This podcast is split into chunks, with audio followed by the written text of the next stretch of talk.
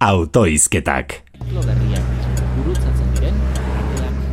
Au, hain zein zaila den zauri batekin gidatzea.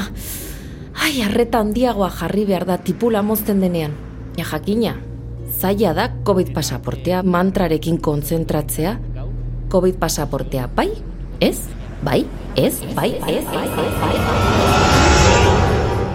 Tenis puntu amaigabea dirudi. Honek eskuetatik ies egiten digu.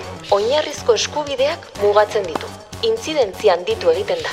Berdintasun oinarrien aurkadoa, erlaxazio soziala, intimitate eskubideen aurkadoa, kirol ekitaldietan musukoaren erabilpena barre egitekoa dela. Joan etorrietarako askatasuna mugatzen du. Semaforo gorria. Ai, ia gorrian pasatu semaforoa. Ai. Hortaz, partiduak aurrera jarraitzen du eta azkenean zalantza egiten dut. Ea ba, egin dudan ebaketa larriagoa izango balitz, zer egin beharko nuke? Erietxe batetara joan, edota epaitegira. Eta eskerrak pandemiaren abakarri dugun.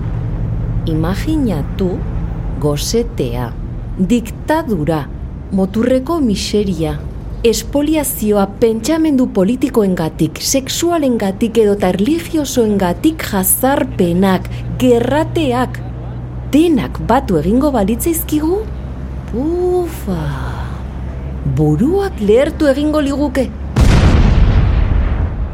Beno, agian ez litzateke mantrarik emango.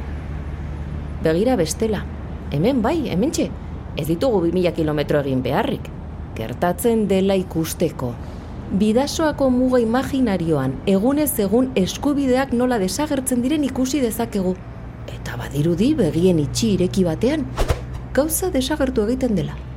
Bizitza duin eta aske baterako pasaportearena erabakita dagoela dirudi. Munduaren zati batentzat beharrezkoa da, eta bestearen zatez.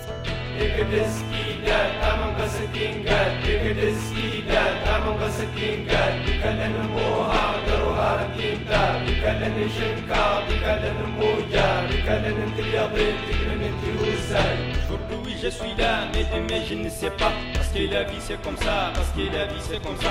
Les enfants du chemin, ils sont forts tous les tas. Sarkozy de Tamasna, Sarkozy de Tamasna Dégédeski, da, tamanka sekinga, dégédeski